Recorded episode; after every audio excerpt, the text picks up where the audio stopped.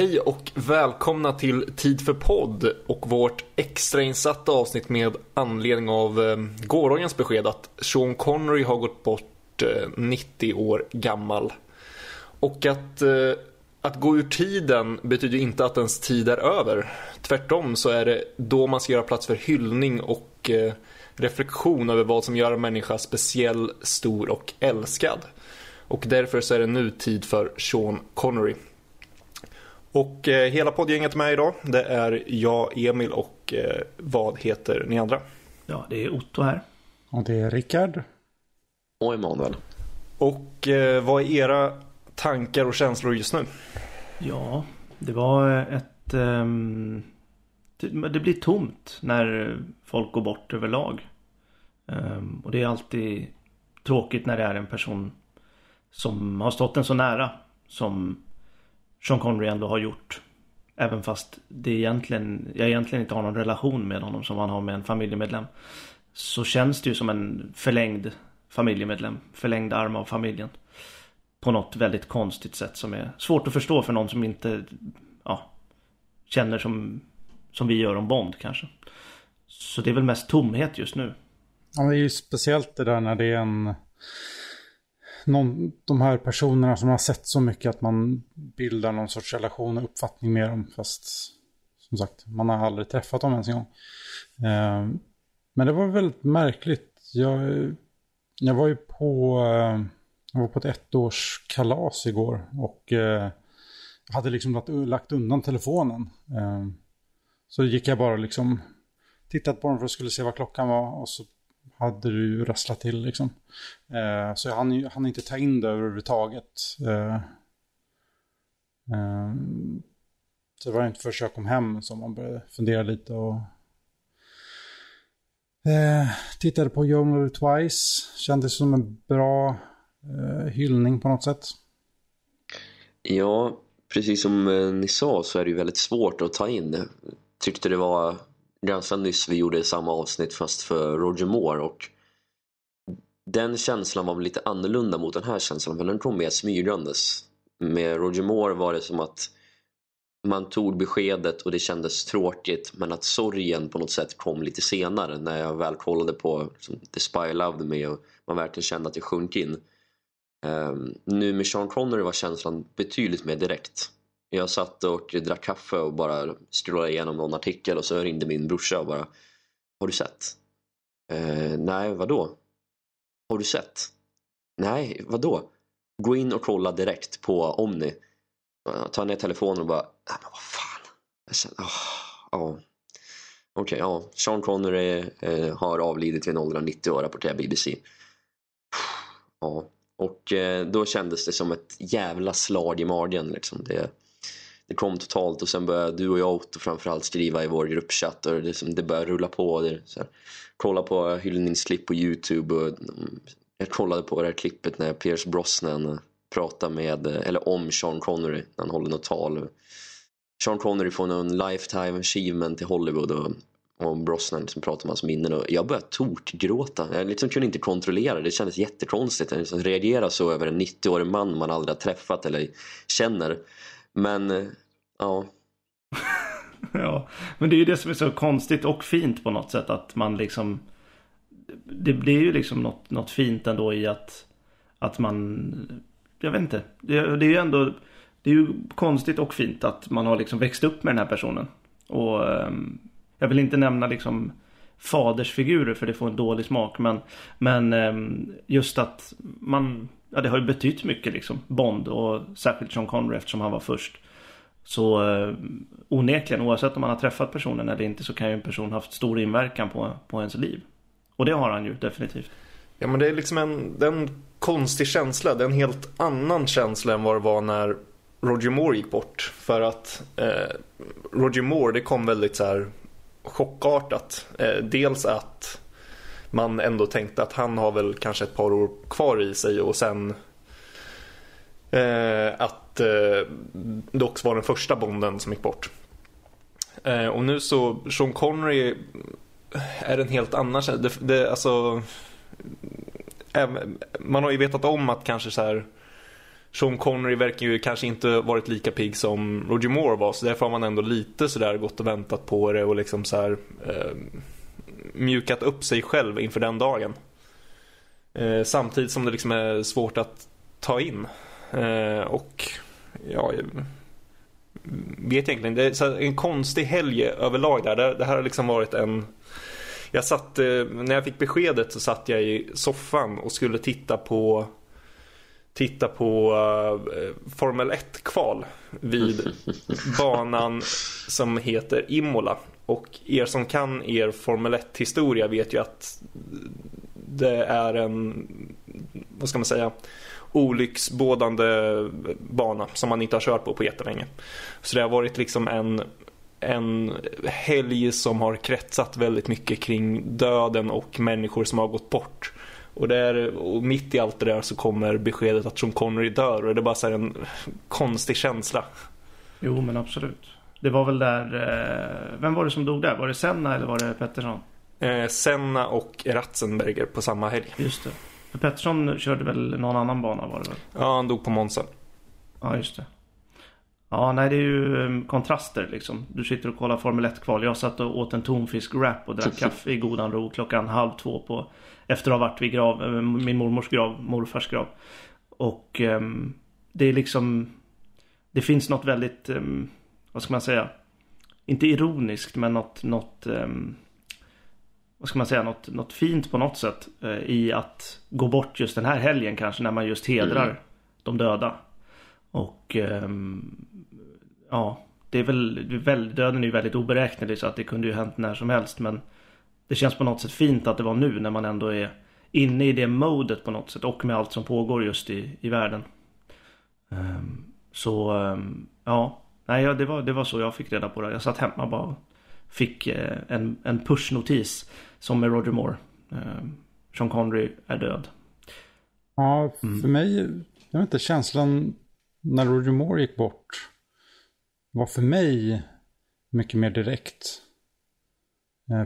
För att han har varit mycket mer, han har varit mycket mer i rampljuset, liksom ända upp till, till, till sin död. Han släppte flera böcker och intervjuades och var med i tv-program. Och Sean Connery har på något sätt, han har ju valt att helt försvinna ut ur rampljuset. Han har inte gjort några intervjuer, han har inte, han har inte setts i publika sammanhang på, det känns som att det är tio år eller något. Mm. Sista Sista gången eh, han, han hade sitt eh, public appearance eller vad man nu säger på svenska var 2017. Då satt han i publiken på US Open. Mm, och eh, de började spela Bond-temat och eh, zoomade in på honom och publiken bara ställde sig på jubla. Åh oh, herregud, ja. Oh. Det var gåshud. Men så det, det är speciellt det där att han, ja, han har liksom varit i, i, sorts, i, i skugga så länge. Och det, det blir svårt att ta in att han har gått bort för att, ja, jag vet inte. Det blir konstigt, svårt att fatta liksom. Han har ju liksom varit, han har ju varit borta rent, um, vad ska man säga, inte bokstavligt men mm. bildligt mm. kanske. Ett bra tag och nu är han borta bokstavligt talat. Så um, ja, jo men jag håller, för mig var ju Roger Moore också mycket mer det, liksom chockartat. Även om det här också var en chock. För att jag blev ju chockad såklart. Det blir man ju alltid när någon Man går ju inte runt och tänker på ah, idag kanske den personen dör. Utan det händer ju så. Det kommer ju som en chock mm. alltid. Men med Moore var det mera Ja nej men han ska nog överleva. Connery. Mm. Tror jag. Um, så det, ja det är ju um, trå Tråkigt uh, bara mm. rent ut sagt. Men vad har ni för favoritminne eller ögonblick med Sean Connery? Ja, Alltså de är ju många. Han har ju liksom levt ett liv som jag skrev igår i chatten. Han har ju levt ett liv som är värt att dö för. Så att det är ju, och han är ju liksom klar, om man får säga det inom citationstecken, med sin karriär. Han fick ju en väldigt lång och framgångsrik karriär, får man ju minst sagt säga. Och jag vet inte, jag, jag kan inte säga ett moment. Det är som med Moore också. Det, det var svårt att säga ett moment. Utan det är väl hela hans gärning, hela hans karriär. Och eh, det finns, det finns för mycket egentligen att, att ta av. Eh, faktiskt. För att säga ett specifikt moment. Jag har ett och det är väl lite sådär hans hur mycket han ändå har betytt för mig och mitt Bondintresse. Och den här storyn har jag dragit tidigare. Men kan, kan Brosnan prata om när han såg Goldfinger på bio 150 gånger ska väl jag dra den här historien igen kanske för tredje eller fjärde eller något. Ja, absolut. Men eh, det var ju eh, eh, första Bondfilmen jag ägde var ju Duels Not Enough. Och då innan så var det ju trailer för att man skulle köpa alla Bondfilmer. Och då var det massa klipp och sånt. Och det klippet som verkligen stack ut och som blev min första konfrontation eller första möte med Connery som Bond, det var ju Do You Do you expect Me To Talk-scenen. Och mm. den gjorde sånt extremt intryck på mig. Och det, alltså, jag minns knappt ens vilka andra scener som var med i, i det där klippet. Det var ju liksom så här en och en halv minut och det var bara klipp från alla möjliga. Men den är den enda jag minns är med. Och den, jag kan nästan minnas exakt så här, just med VHS att det var, hur kvaliteten var och det kanske var någon liten, ja, jag minns nästan exakt hur det var. Och det bara gjorde sånt extremt intryck på mig där och då. Och där någonstans så fastnade jag för Bond.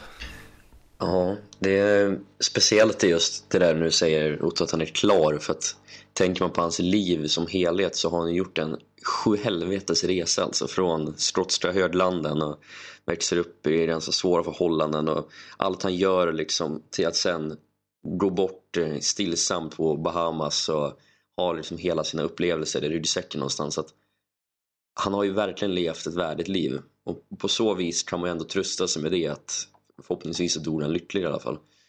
Ehm, men som svar på din fråga Emil så är det, känns det jättesvårt att ta ut ett moment för det är ju det totala avtryck han har lämnat i både mitt och ert liv är ju så väldigt stort. Han är ju James Bond och jag tror nu när han har gått bort så kommer den rollen cementeras ännu mer för honom att han är verkligen Bond. Precis som Roger Moore blev ännu mer av en legend efter att han gick bort så känns det som att Sean Connery kommer ta sig an den här ännu större larger than life personligheten. Och då blir som hela paketet blir ju så mycket större än vad man kan egentligen summera på några få minuter. Men det kanske är enklare för min del att säga första minnet med honom och det är ju när eh, jag precis hade sett Die Another Day, Tomorrow Never Dies och Secret Service. Och eh, min mamma hade varit i Umeå och kom hem med From Russia With Love på VHS. Och jag sätter mig ner och kollar på den en kväll och bara Oj, jävlar. Det här var något nytt. Sean Connery i hög form 1963. Då kändes det som att ja, nu, nu, finns det en ny Bond på den här tronen istället för Pierce Brosnan som han hade avgudat i några månader. Det var liksom ett omedelbart avtryck som han lämnade när man är 8-9 år. Det är svårt att verkligen sätta ord i så här efterhand men känslan då var väldigt, väldigt direkt.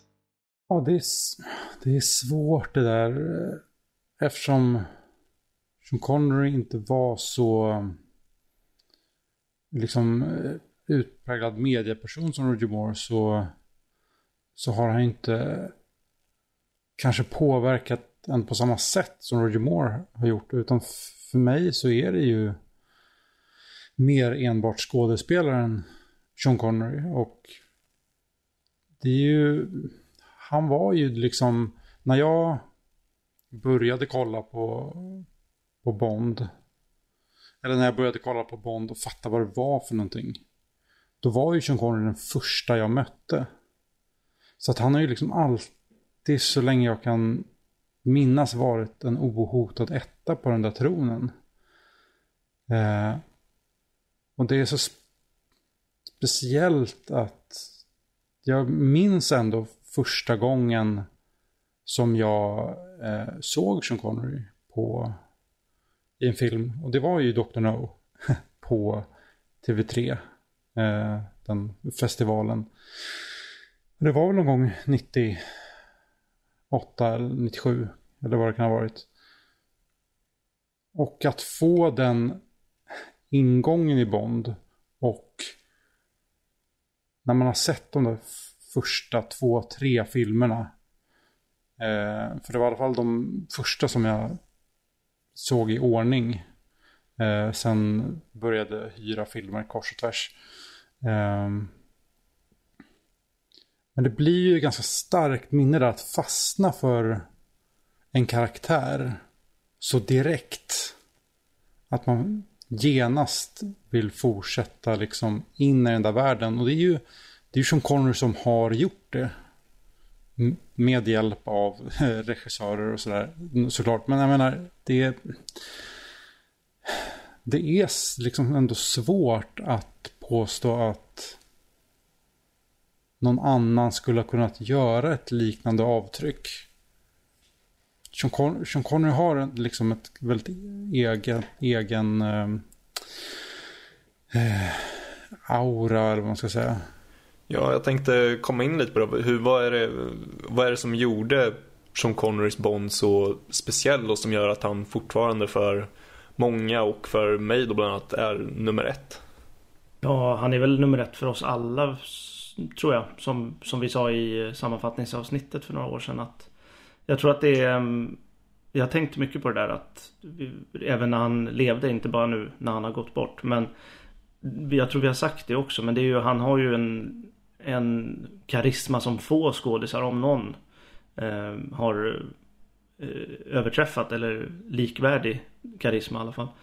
Och han har ju den vad ska man säga, egenskapen att så fort han går in i ett rum, går in i en scen, går in i en bildruta så så är det honom man tittar på oavsett vad som händer i resten av bilden. Man, man kan liksom, jag tror det var Johan Glans som sa det i någon intervju nu. Att eh, Sean Connery, det, det, är liksom, det går inte att inte titta på honom.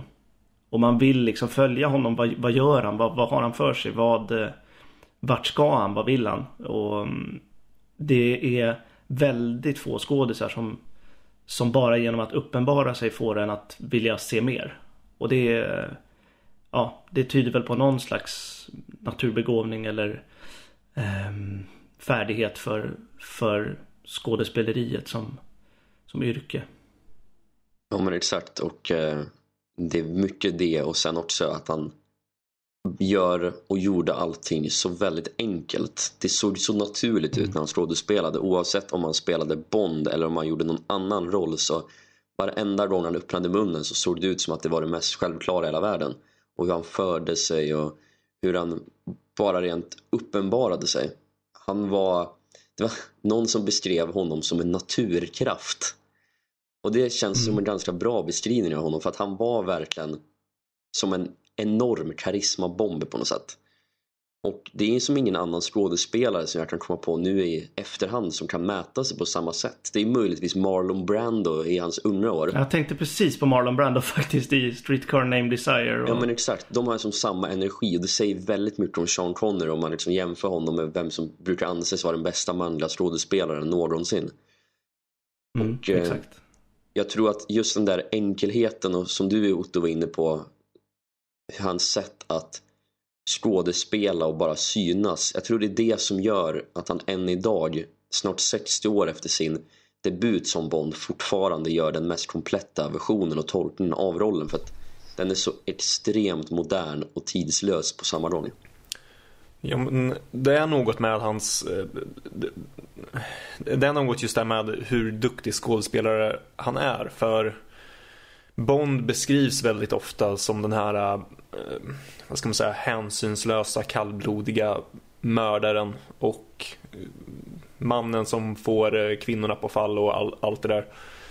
Men eh, Connery lyckades göra den här karaktären till så otroligt mycket mer. Eh, det är sättet han skådespelar med blick, med eh, liksom ansiktsuttryck, med hur han eh, levererar repliker som ger den här karaktären så otroligt mycket mer nyans än vad som framgår av, av hans handlingar eller dialogen han säger.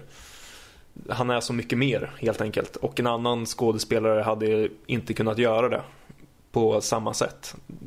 Det är en komplett människa som man bara han lyckas göra Bond på film så mycket mer trovärdig och tredimensionell än vad, vad egentligen materialet i vissa delar kanske förtjänade. Och jag tror att det var en sån extremt grundläggande sak för att få Bond på film att funka. Och sen just det som ni säger, hans karisma. Man, man vill bara titta på honom och följa honom med blicken. Och det är ja, en, en naturkraft som bara inte går att stoppa. Jag tänker onekligen på um jag tror att det var, om det var Fotbollskanalen eller Aftonbladet som hade den där Sverige spelade fotboll i början av 10-talet. Att de hade en Zlatan-cam. Man vill ju ha en Connery-cam eh, i alla filmerna och bara se vad han gör. Skiter i resten liksom. Jag vill inte veta vad Osato gör i You Only Live Twice eller vad nu, eh, vad heter han? Eh, Solo gör i Goldfinger eller vem det nu kan vara liksom. Man vill ha en Connery-cam. Mm. Det är ju det är ju sån stjärna han var. Han, men han har också något så unikt som en...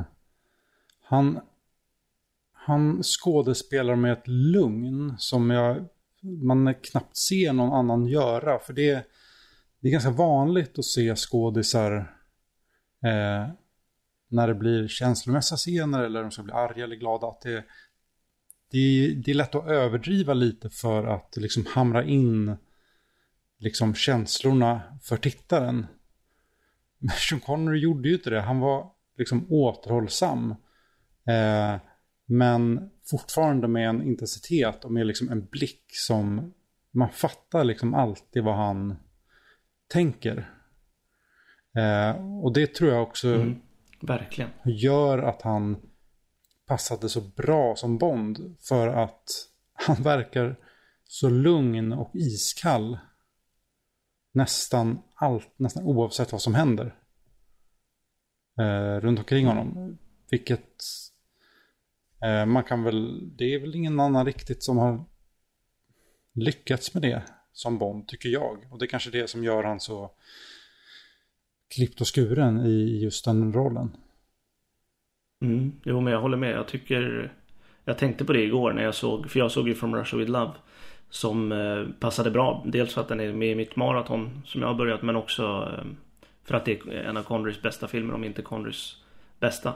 Och ehm, just små saker som du sa Emanuel att han skådespelar, eller ni sa det ju många, men att han skådespelar mycket med ansiktet också. När han ska testa att öppna attachéväskan inne hos M.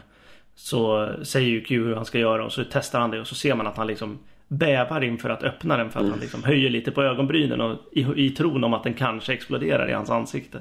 Men sen också i eh, scenen på hotellrummet, den som är screen testing scenen för nya Bondskådespelare. Eh, när han hör att det är någon i andra delen av hotellsviten. Så ser man honom, han blir inte rädd men han blir väldigt på alerten om man säger så. Mm. Och tar på sig handduken, går snabbt fram till pistolen, eller hölstret, tar fram pistolen, han ser liksom inte rädd ut utan han ser bara på sin vakt ut. Vilket är en väldigt stor skillnad och viktigt i, i karaktären Bond skulle jag säga. Ja, exakt. Och eh, det finns så väldigt många sådana ögonblick i hans filmer. Och visst, mm. ju fler Bond-filmer han gjorde, desto mindre inspirerad blev han.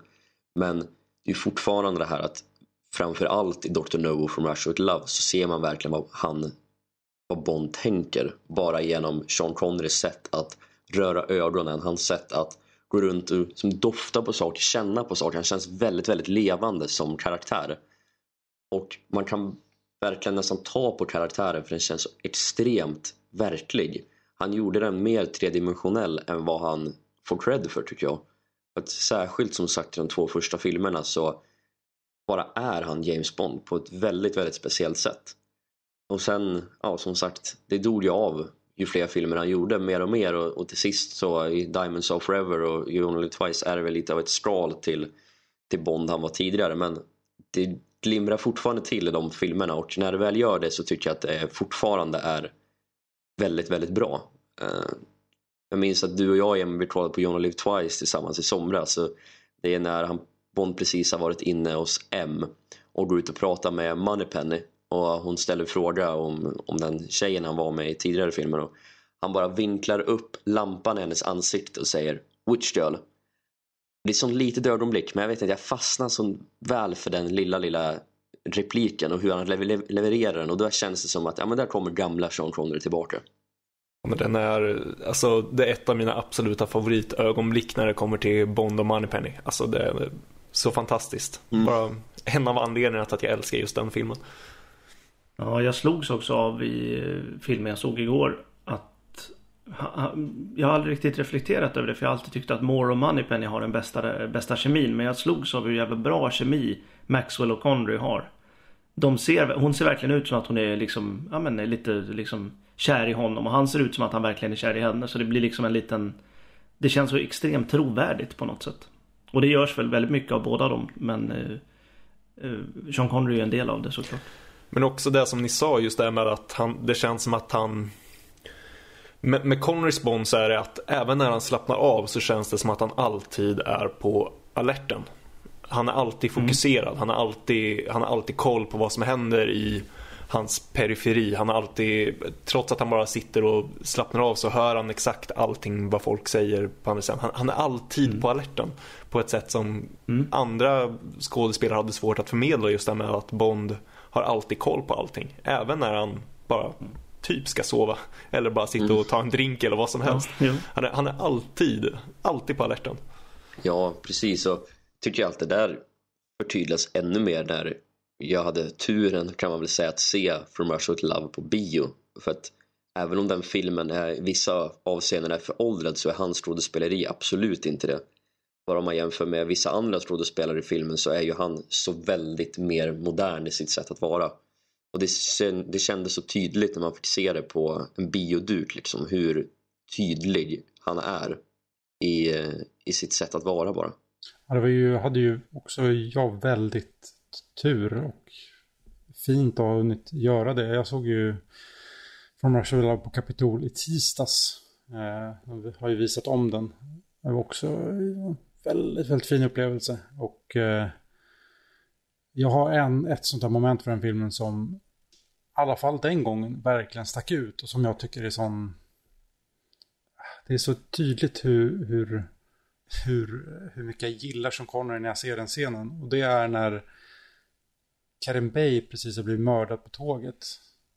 Och Bond går tillbaka in till kupén och man ser svärtan i ögonen när han tittar på Tanja. Mm. Bara, bara, bara, den blicken är sån, äh, den är så häftig att se. Ja jäklar, och de, de som sa att inte han mm. kunde skådespela eller göra Bond trovärdig kan bara titta på den scenen och sen sätta sig ner.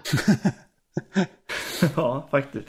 Det är lite som, eh, jag tror det är du och jag Emanuel som har sagt det om, eller pratat om det om Christopher Waltz när han tittar upp på Bond inne i det där kontrollrummet i Spectre. Mm. Då ser man ju också att han är helt svart i blicken. Ja, precis. Eh, det är väl han och typ Robert David som kan frambringa det i sin blick på något sätt. Eh, tillsammans med Connery. Ja, för alltså, jag tycker nog att den scenen med Bond och Grant är om inte den bästa scenen i franchisen så är det definitivt det bästa liksom, dialogutbytet mellan två karaktärer och framförallt bästa utbytet mellan två, mellan Bond och en skurk. För hur man ser Sean Connery hela tiden tänka hur ska jag ta mig ur den här situationen. Men det ser aldrig riktigt ut som att han ger sig heller. Han känner att ja, situationen är otvivelaktigt dålig där jag sitter. Men jag kan komma ur det bara jag kommer fram till en lösning. Och man ser att han bara fördriver tiden genom att hetsa Grant, att göra honom mer upprörd och bara pressa honom och pressa honom till att han kan hitta en öppning. Och Red Grant han tappar ju till sist och Bond löser det ju. Men hela den upptakten till den här magnifika tårfighten är oh, det är så otroligt bra och det är väldigt, väldigt mycket på grund av att Sean Connery är helt lysande.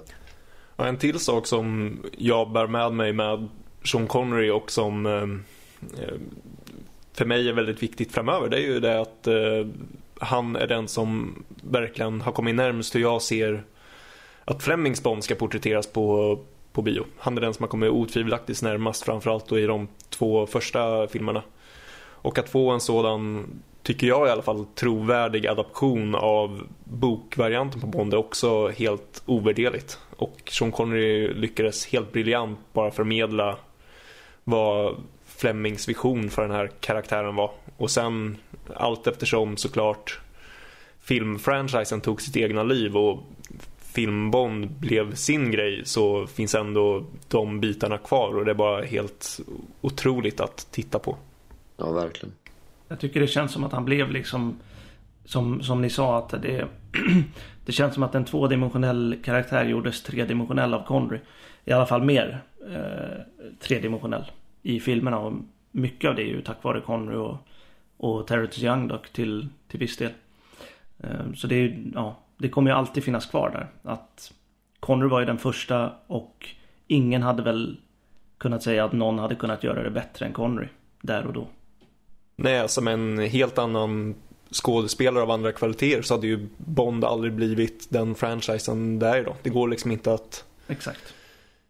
Man, man, kan liksom inte överdriva hans eh, betydelse för den här franchisen och att det blev en sådan succé som det var. Att lyckas göra den här karaktären trovärdig på film och få honom att kännas tredimensionell och verklig. Att det verkligen är en riktig människa eh, som åker ut på de här uppdragen och absurda situationer och bara, ja. Mm. Ja, och jag tror också, jag tror vi pratade om det någon gång, att just hur Sean Connery ser ut eller såg ut 1962 var också nog ganska viktigt för man kan inte riktigt bestämma vilken nationalitet han tillhör. Han skulle kunna vara skotte som han var men han skulle också kunna vara sydeuropé och så vidare. Jag tror en sån faktor mm. var också viktig där och då att han kunde vara vem som helst. Han kunde tillhöra vem som helst också. Det var ju perfekt för att vara just hemlig agent också. Det känns som att han är ju väldigt distinkt. Man känner ju igen honom när man ser honom men han smälter ju också in på något sätt i alla sammanhang han är. Ja, precis. Utan att vara liksom anonym. För många smälter ju in genom att bara vara inte se ut som någonting liksom. Men eh, han sticker ju ut och är väldigt sådär. Jag kan inte påminna mig om någon som är lik Sean Connery. Det är väldigt svårt att hitta någon som är det. För han har ett väldigt distinkt utseende. Men eh, ja, det, det, det är en väldigt svår sak att beskriva. Men han smälter liksom in i sin distinkthet på något sätt. Vilket är väldigt häftigt. Han passar in ändå på en basar i Istanbul. Men han passar ja. också in när han sitter i Kentucky och dricker mint julep. Ja, absolut. Absolut. Det är ju... Ja, men det är, ja, det är just det där. Att han liksom... Han är väldigt... Passar bra in i just det där hemliga agent-stuket. Jag vill bara nämna hans... För vi har ju pratat mycket Bond nu, men han är ju liksom en, ja, snäppet vassare. Han kanske fick, jag ska inte säga att han är bättre, men han, är, han fick mer att skina med i, i sina filmer på 80-talet, 70-80-talet. Och 90-talet också till viss del. Uh, The Untouchables och jag tycker han är briljant som Indiana Jones pappa också i, i Sista Korståget.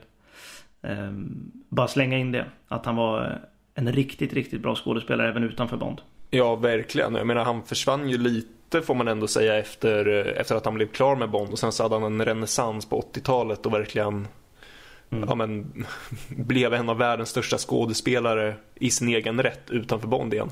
Och det är mm. jäkla häftigt att se alla de fantastiska rollprestationer han gjorde där och då.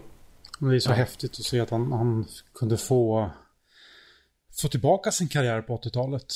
Eh, och att han blev så pass stor på nytt. Eh, och det är ju väldigt roligt att, att Steven Spielberg inte fick göra en Bond-film. Då väljer han att göra liksom en amerikansk Bond i Indiana Jones. Och hans pappa såklart, ska såklart vara Sean Connery. Det, det är så... Cirkelslutning.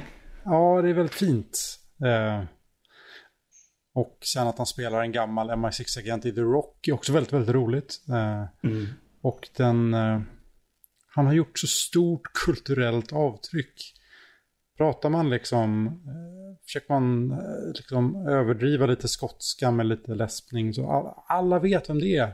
Det är Sean Connery. Mm. Alltså, han har gjort ett så stort kulturellt avtryck. Eh, även om det kanske fortfarande inte är jättemånga som har sett hans filmer. Nej, jag tror att han fick som du sa en renässans på 80-talet med Highlander framförallt och, och Untouchables också. Och Jakten på Röd Oktober som var 90 i och för sig. Men, men, och Indiana Jones då såklart. Jag tror att en ny generation fick upp ögonen för honom där. Och det var väl där han blev ännu mer odödlig än i och med Bond. Sam, liksom, sum, summa summarum blev väl 80-talet plus Bond och 90-talet plus Bond. Gjorde väl att han fick den statusen han har fortfarande. Ja, om han var odödlig i filmhistorien för Bond redan så blev han odödlig på nytt för hans andra gärningar inom, inom film. Exakt. Det är ju väldigt häftigt med eh, just, ja men att han är så, han är ju, han har ju blivit kallad, hans smeknamn var ju, ett av hans smeknamn var ju the world's most famous Scott. Eh, vilket är, det är ju liksom, sen William Wallace så har det väl inte funnits någon mer känd skotte. Vilket säger en del om honom. Ja, och det är just så fascinerande med Sean Connery att han, han är så extremt, extremt känd utan som ni säger att folk har kanske inte sett mer än Bond-filmerna. Ja, många har väl sett Indiana Jones, tredje filmen i och för sig, men allt annat har liksom fallit bort utan han, han har som blivit sin eget sitt egna varumärke på något sätt. Alla känner till Sean Connery. Eh, alla känns som de har en relation till Sean Connery också. Att precis som när Roger Moore gick bort så slog ju svensk media på den absolut största av trummor igår. Och de här live-chattar och kommentarer om Sean Connery. Vad har ni för relation? Alla, jag gick in, och kollade snabbt. Hur många människor som helst gick in och skrev saker om Sean Connery. minnen, upplevelser. Det är så otroligt mäktigt när det gäller en skådespelare som trots allt typ inte har gjort en film sedan 2003. Han har som försvunnit tillbaka helt och hållet men ändå så är han så väldigt, väldigt distinkt och framträdande överallt. Och eh, jag tror man kommer kunna fortsätta prata om Sean Connery som en av de absolut största. Alltså jag blev så otroligt positivt mm. överraskad när, eh, när jag såg att SVT hade gjort en 35 minuter lång livesändning. Mm, jag tittade Oj. på hela den igår. Okay. Ja. Eh, Braid var där och... Liksom 35 minuter lång livesändning eh, på SVT Play då. Om har gått bort. Det är, det är häftigt. Ja, de gick verkligen igenom. Jag vet inte om du såg den Rickard, men... Nej, jag såg inte, han inte så hela. Nej, för de gick ju verkligen igenom hela hans alltså, liv på 35 minuter, men ändå. Det var liksom inte bara Sean Connery död eh, och sen ringde de upp någon, utan det var hela Johnny Stompanato-grejen. Han slog ner honom på on-set med Lana Turner. Um, det är också en grej som, karaktär, som han gillar med Connery. Att han blev hotad av en gangster som heter Johnny Stompanato. Som trodde att han hade en affär med Lana Turner. För de var ju tillsammans då, Johnny och Lana. Och Connery bara avväpnade honom och slog han till marken. Det är, det, är helt, det är helt sjukt när man tänker att han kommer in med en laddad pistol. Ja, det, är... det hade ju inte hänt idag att Craig hade slagit ner. Då hade ju fem Pinewood-vakter hoppat på honom istället. Men Connery tog saken i egna händer och slog ner honom. Det tycker jag säger ganska mycket om Connery som, som människa faktiskt. Ja, det är väldigt fint. Men sen, blev han, sen, sen har han tydligen sagt i intervjuer, det, var, det fick jag reda på igår, att han var tvungen att ligga lite lågt efter det. För att han fick någon, fick någon skotsk maffiaboss på sig, eller någon amerikansk maffiaboss på sig. Så då var han tvungen att ligga lite lågt där. Så det, var, det, det, det är ganska roligt faktiskt, att Connery blev tvungen att ligga lågt. Det hade han inte problem med känns det som. Nej, jag läste också det igår. Eh, att eh, fotbollstränaren eh, Matt Busby som tränade United hade varit och scoutat Sean Connery. Just det. Och mm. eh, hade velat få med honom in i United som någon kapacitet som spelare då. Men att Sean Connery bara tackade mm. nej. Han sa att jag är 23 år gammal och jag vet om att blir jag fotbollsspelare så är jag pensionerad inom åtta år. Liksom. Så att jag, jag vill inte. Mm. Jag gick och blev skådespelare istället. Och det, det, är så, det är så sjukt för han fick ju kontraktserbjudande av United. Ja. Och det säger ju någonting om hur... Alltså jag, jag gillar inte att säga att folk var födda till en sak men det känns verkligen som att han var... Han var det var liksom ämnat att vara. Att han skulle bli skådis. Just för att han fick ett kontraktserbjudande. Det är ändå en stor grej. Men vadå, var han en bra fotbollsspelare? Ja, han var jättebra. Manchester United, när de var som allra mm. störst, liksom ville ha honom. Och han bara, nej, det är lugnt. Jag gör något annat istället. Jag ska bli skådis istället.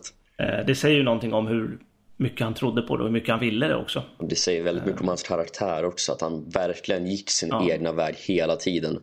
Men när han mm. gasade ju på helt och hållet och det gjorde väl att han fick väldigt många ovänner också såklart. Men när, hans relation till Bond har ju varit allt annat än enkel sedan han lämnade rollen. Och, men att han ändå har känt att det som är rätt för han själv det är det han ska göra och att han inte har vikt ner sig för någon. Men när han tackar nej, nej till Sagan ringen bara en sån sak, det hade kanske gett honom hans, hans karriär en ännu större skjuts där på slutet men han, han bara sa nej för att han förstod inte manuset. Det tycker jag är väldigt härligt att någon som bara går efter sin egen trumma. Mm. Ja, ja, men det var ju också som när han sa, när han vann för, vad heter det? Det var väl för The Untouchables tror jag. Mm. Så går han väl upp och säger uh, Ladies and gentlemen, friends and a few enemies. det är ju fanta fantastiskt. Det säger väldigt mycket om honom också. Men uh, nu kom jag på en grej så här som, som känns som att det är en av de stunderna som jag har, ja men som är väldigt fin också med Sean Connery. För vi, vi vet, vi vet ju alla att han och eh, Saltzman och Broccoli var ju, de var väl i stort sett ovänner ganska lång tid efter att eh, Connery lämnade rollen. Eh, men det är ju den här biten i eh, dokumentären Everything or Nothing när Barbara Broccoli pratar mm. om relationen ja. mellan Connery Broccoli och att eh, Connor ringde till Broccoli när han låg på sjukhus va? Ja. Inför Mm. när han var ja, på väg att eh, gå bort. Och de ja, liksom slöt någon fred så att vi, för, vi förlåter varandra. Det, det, det är sånt. Det är... Connery må vara långsint men i syvende och sist så, liksom, så släpper han det och det är ett fint eh, ögonblick, kanske finaste ögonblicket i just den dokumentären. Ah, Helvete vad fint det är. Han sa väl till och med I love you till Cubby. Och Cubby svarade I love you too. Ja, Och sen säger Barbara that was that. Och sen så byter de till nästa scen i dokumentären. Jag får gåshud bara jag tänker på den nu. Den är så otroligt fin.